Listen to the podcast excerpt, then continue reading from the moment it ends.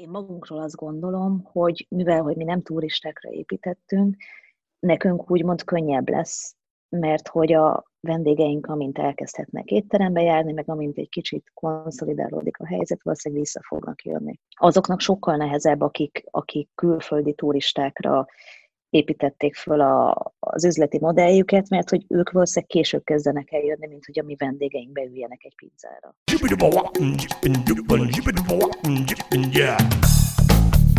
Üdvözlöm a hallgatókat, ez itt a 24.hu filéző podcastja. Én Inkei Bence vagyok, és Jánosi Villővel tettük korábban azt, hogy a hazai vendéglátás és gasztronómia területéről hívtunk vendégeket. Ez most is így történik, csak az ismert körülmények miatt erre nem személyesen kerül sor, hanem, hanem videóhívás keretében. A mai vendégünk Vidó Nóri, az Igen pizzéria tulajdonosa, ugye jól mondom? Aha. És vele fogunk arról beszélni, hogy most ez egy témáját tekintve, hogy egészen más lesz, mint a korábbiak voltak eddig, hiszen történt az elmúlt bő hónapban egy elég fontos dolog itthon Magyarországon, ami mindent más megvilágításba helyezett.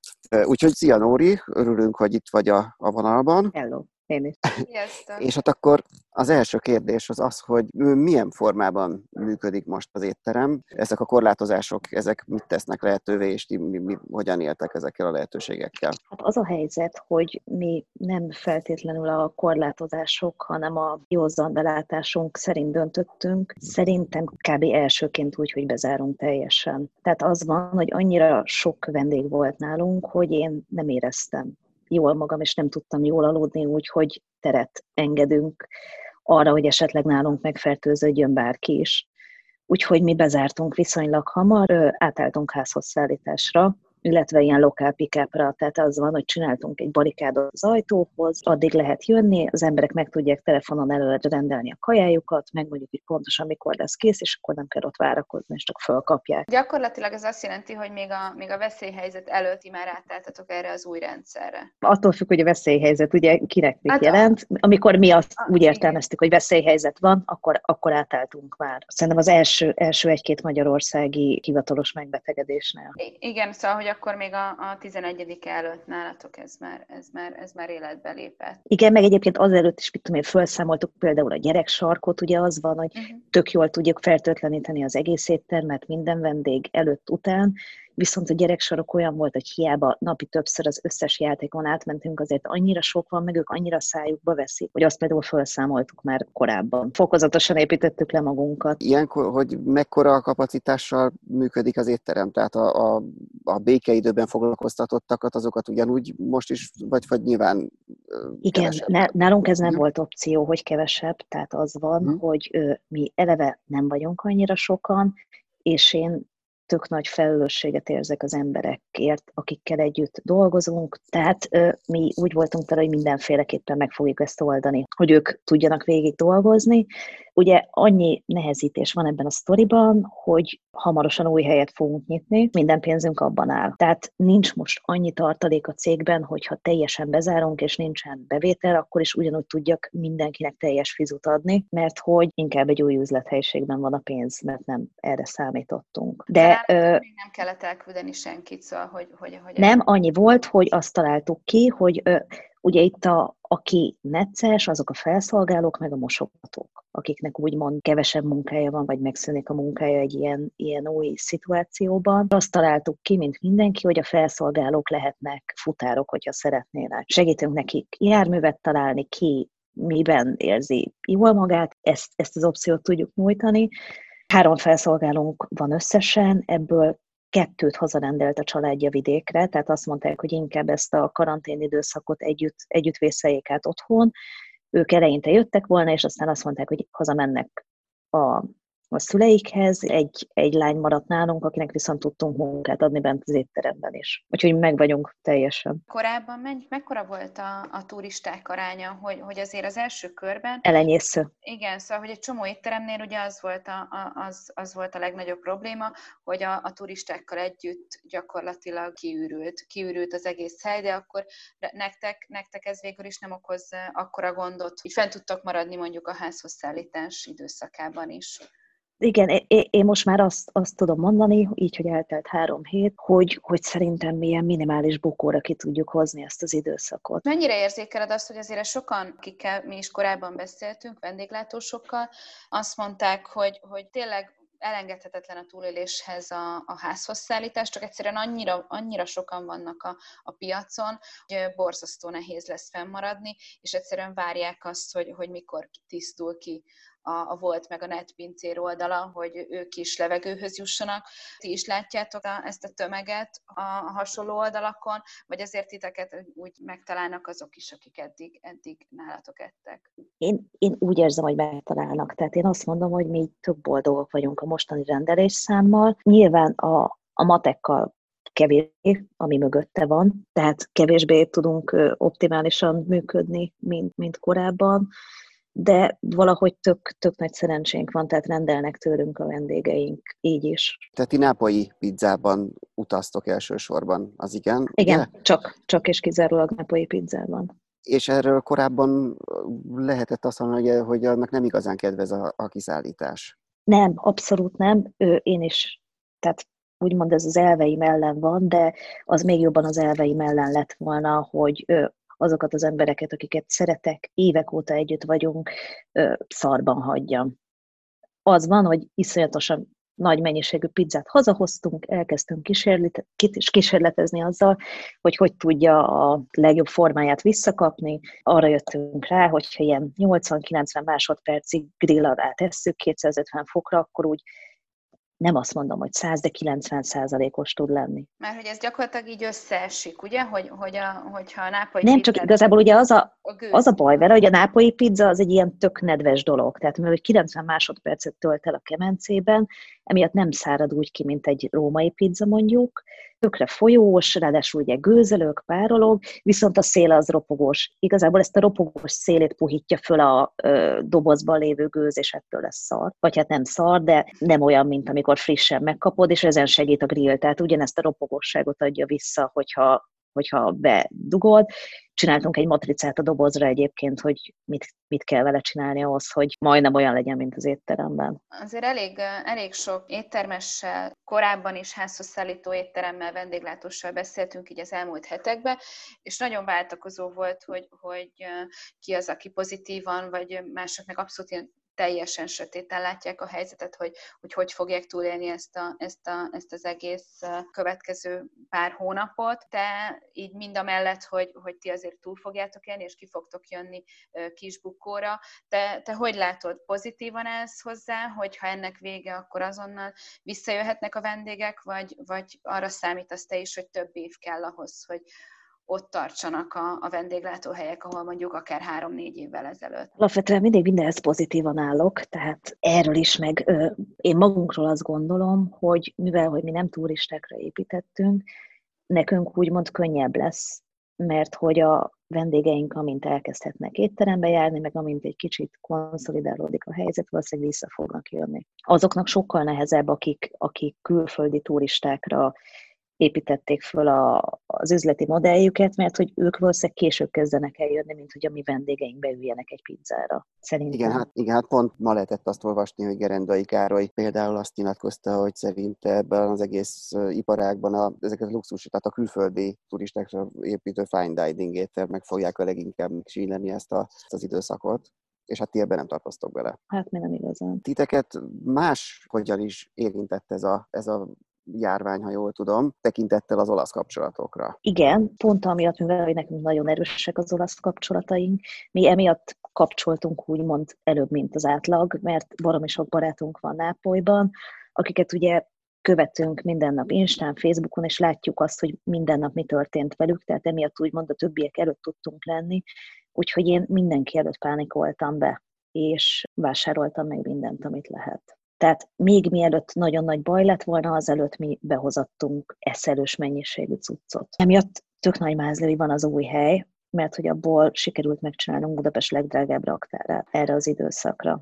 Egyszerűen volt hova helyünk el elraktározni ezt a nagyon sok lisztet, paradicsomot, sajtot, húst, egyebet. Mert hogy gyakorlatilag azzal is probléma lesz rövid időn belül, hogy hogy, hogy jutnak főleg az olasz éttermek friss alapanyagok, alapanyagokhoz? Hogy, hogy nem mindent lehet, hát, gondolom, be, megoldani Magyarországról. Abszolút nem lehet megoldani a dolgokat, vagy hát nem azon a szinten lehet megoldani a dolgokat. Nyilván van magyar pizzaliszt is, mi azt kipróbáltuk, nálunk nem működik, tehát nekünk szükségünk van arra napoletán lisztre, amit használunk. Nem lehetett tudni, hogy mi lesz, és volt is egy időszak, hogy nem volt semmi, most x hétig, de szerintem most már lekopogom, nagyon úgy néz ki, hogy, hogy elkezdenek sor, csordogálni megint az olasz alapanyagok, tehát most már sajtosunk is azt mondta, hogy meg, meg aki behozza nekünk a sajtot, az a szállítmányozó cég, hogy hogy talán egy ilyen kisebb mennyiséget merhetünk rendelni, ez talán be fog jönni. De Tehát ilyen akkor... szinten lehet, hogy hamarabb lesz vége, mint ahogy, ahogy mi számítottunk rá, de majd meglátjuk. De azt például tud, hogy élesztőt mi se tudunk szerezni. Tehát az, az egyszer nincsen senkinek. Most, most, sem. Már a, most már a nagyobb helyekkel, a nagykereskedő, nagykereskedelemmel sem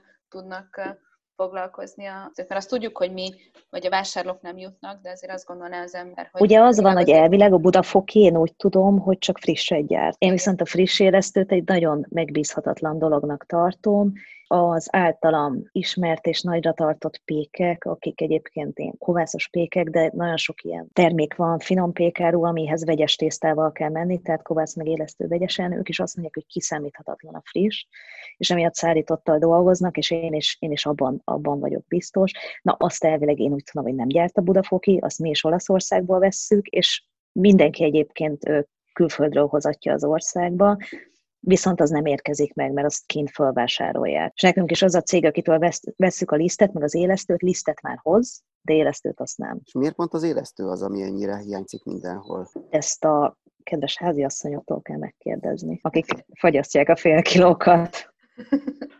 Hát igen, de akkor ezek szerint ez, ez akkor nem egy magyar sajátosság, hanem akkor ez mindenhol így van. Ez mindenhol, mindenhol a világon, tehát Norvégiában ugyanúgy nincsen liszt. Vagy élesztő, bocs, mint itt. Tehát nem véletlenül mindenhol elkezdett mindenki kovászolni.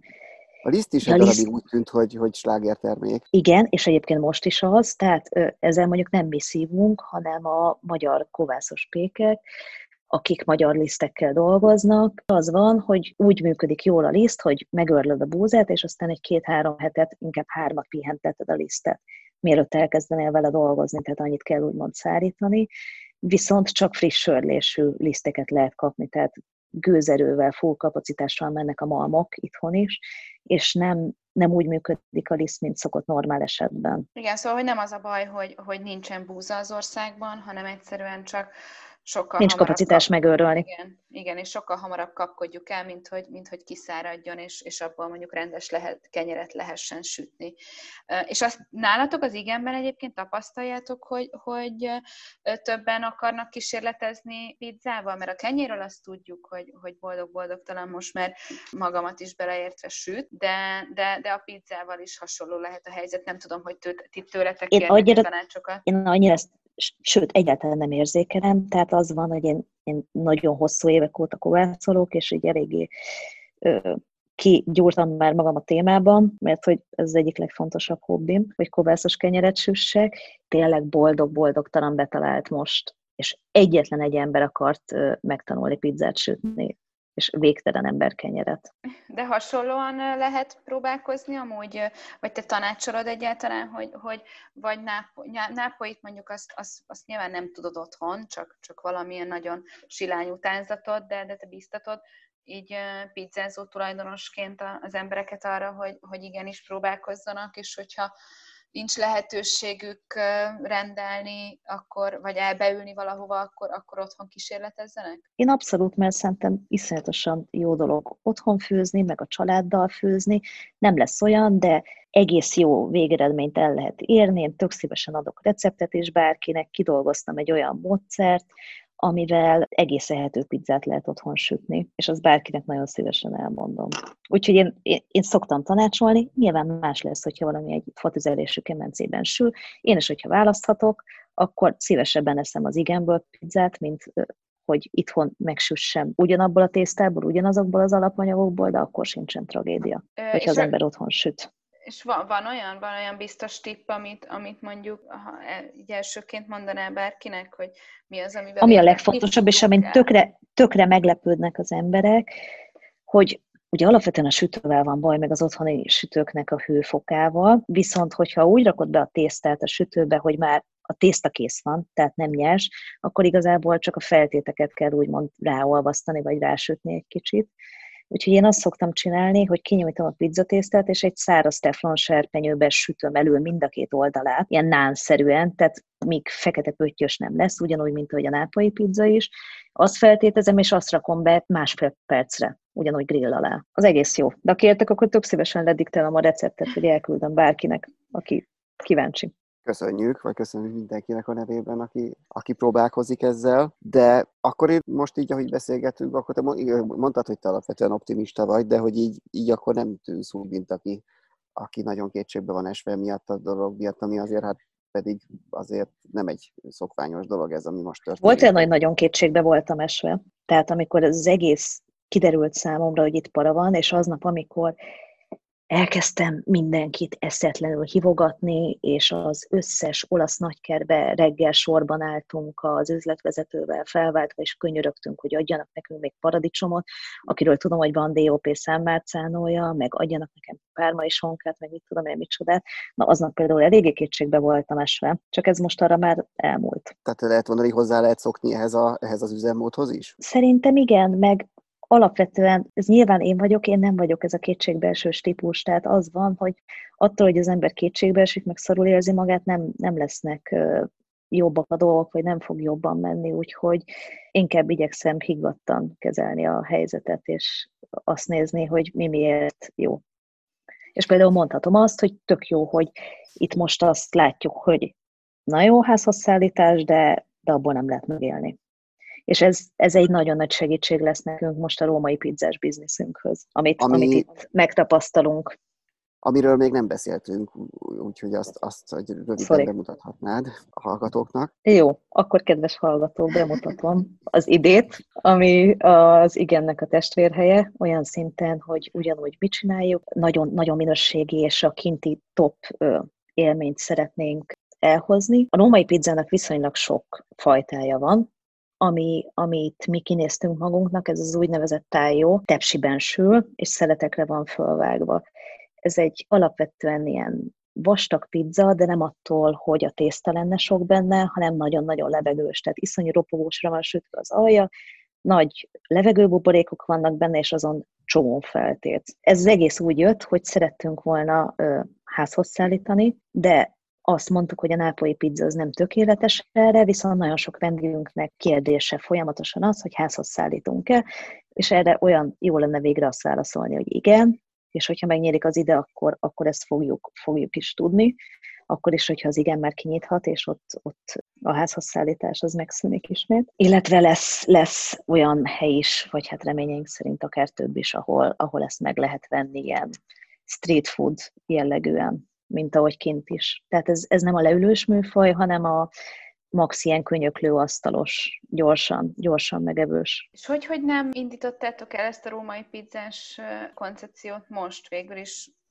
most, hogy a házhoz szállítások a virágkorukat élik, meg tényleg az az egyetlen lehetőség, még, mégsem vágtatok még bele, vagy nem indultál? Két oka volt. Az egyik az az, hogy nagyon bizonytalannak láttam az alapanyagellátást, és az igenbe berendeltem nagyon sok sajtot például, de a, nem minden alapanyagból vettem hihetetlen nagy mennyiséget, amit kellett volna az idébe. Tehát az van, hogy ugyanattól a cégtől fogjuk a sajtot venni, vagy hát ilyen kisebb üzem ez igazából, de más fajtát, tehát más típusú fiordilettek kell a nápolyi pizzára, meg más a rómaira, és mivel nem vettem, és már nem lehet behozni, vagy hát nem lehetett, emiatt úgy voltam vele, hogy nem szeretnék valami utánzattal elindulni, és nem így akarom megismertetni az emberekkel ezt, a, ezt az idés római pizzát, hanem hanem kivárjuk, amíg, amíg békeidő lesz, és ugyan, ugyanazokból az alapanyagokból tudjuk csinálni, mint amiből szeretnénk tényleg.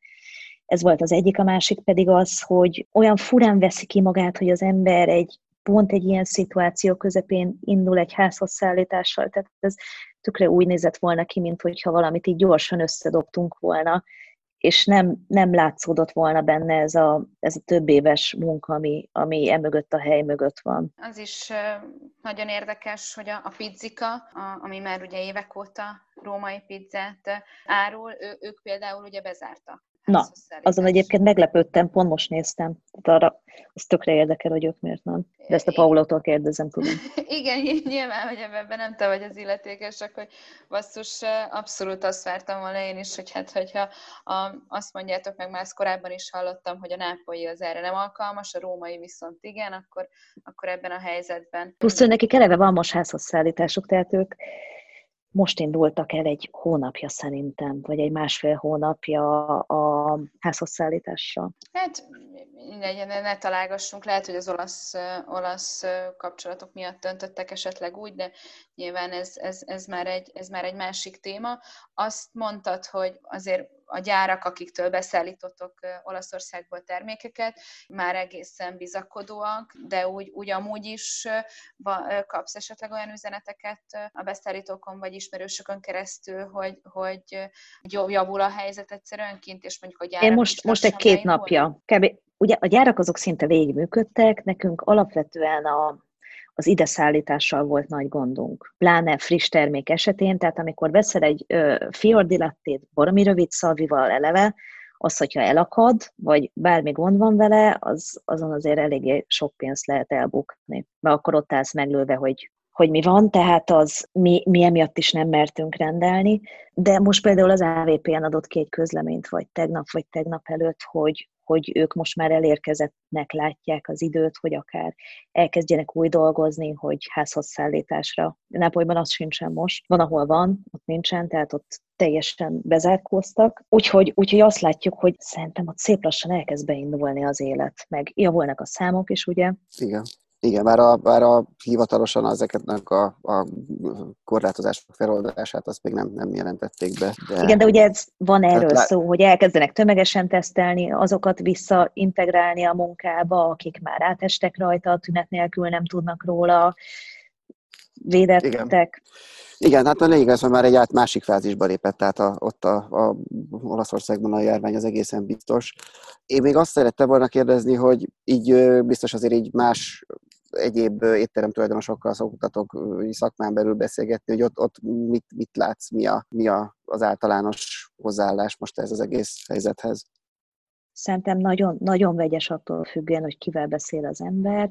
Az biztos, hogy mindenkinek megcsappant a rendelésállománya normál üzemhez képest, tehát ezt mindenki mondja meg mindenki nehezen fogja túlélni, de, de akivel én beszéltem, vagy az én barátaim, azok szinte mind azt mondják, hogy valamennyi bukóval valahogy, valahogy túlélik ezt az időszakot. Ő, ők, is, ők is úgy vannak, hogy, hogy valószínűleg meg lesznek. Nem jól, de, de igen. Nyilván attól is függ, hogy ez meddig tart itt. Tehát ez, ez egy baromi nagy kérdés, hogy hány hónapig lesz ez. Ti számolgatjátok ezt, vagy, vagy, vagy ezt, ezt inkább nem is, nem is gondoltok ebbe bele, hogy mi van, hogyha nem tudom, három-négy hónapon túl is muszáj egyszerűen ugyanebben a felállásban dolgoznotok. Nem tudom, hogy mi lesz akkor, az biztos, hogy annyi tartalékunk kell, hogy legyen, hogy, hogy bírjuk még. Tehát én, én szeretek úgy üzletet csinálni, hogy sok pénzt bent hagyni a cégben, hogyha bármi baj van, akkor akkor az emberek biztosítva legyenek. Nyilván most nem minden százszerzalékosan úgy sikerült az új nyitás miatt anyagilag, mint ahogy ez optimális lenne, de azért szerintem mi valahogy ezt meg fogjuk oldani. És... Meg ugye attól is függ, hogy például bérleti díj kedvezményt meddig kap az ember, meg egyéb kedvezményeket, tehát azért ne felejtsük el, hogy ez baromi nagy segítség, amit itt nagyon jó fejmódon például a, az üzlethelyiségek tulajdonosai adnak, kevesebb bérleti díjat kell fizetni stb. csökkentése fáj nekem annyira, ha őszinte akarok lenni. Jó, hát nem tudom, hogy Villa, te akarsz még kérdezni Én még valamit? talán annyit, annyit szerettem volna kérdezni, hogy bár nem tudom, Nori, hogy erről, erről akarsz beszélni, hogy viseled egyrészt nyilván az igen tulajdonosaként más, hogy, más, hogy ez ehhez a koronavírushoz, és hogy te hogy éled meg, hogy nyilván te be vagy zárva most a lakásba jó ideje. Hát, vannak jobb meg rosszabb pillanatok. Nem tudom, hogy lehet-e coming out Azon gondolkozom, hogy van-e valaki, aki nem tudja, hogy terhes vagyok. Igen, ezt most gondol, gondol. Most, most már nincs. Mm. Na igen, tehát ez, ez van, hogy én bekaptam a legyet. Emiatt én jobban be vagyok zárva, mint lennék normális esetben.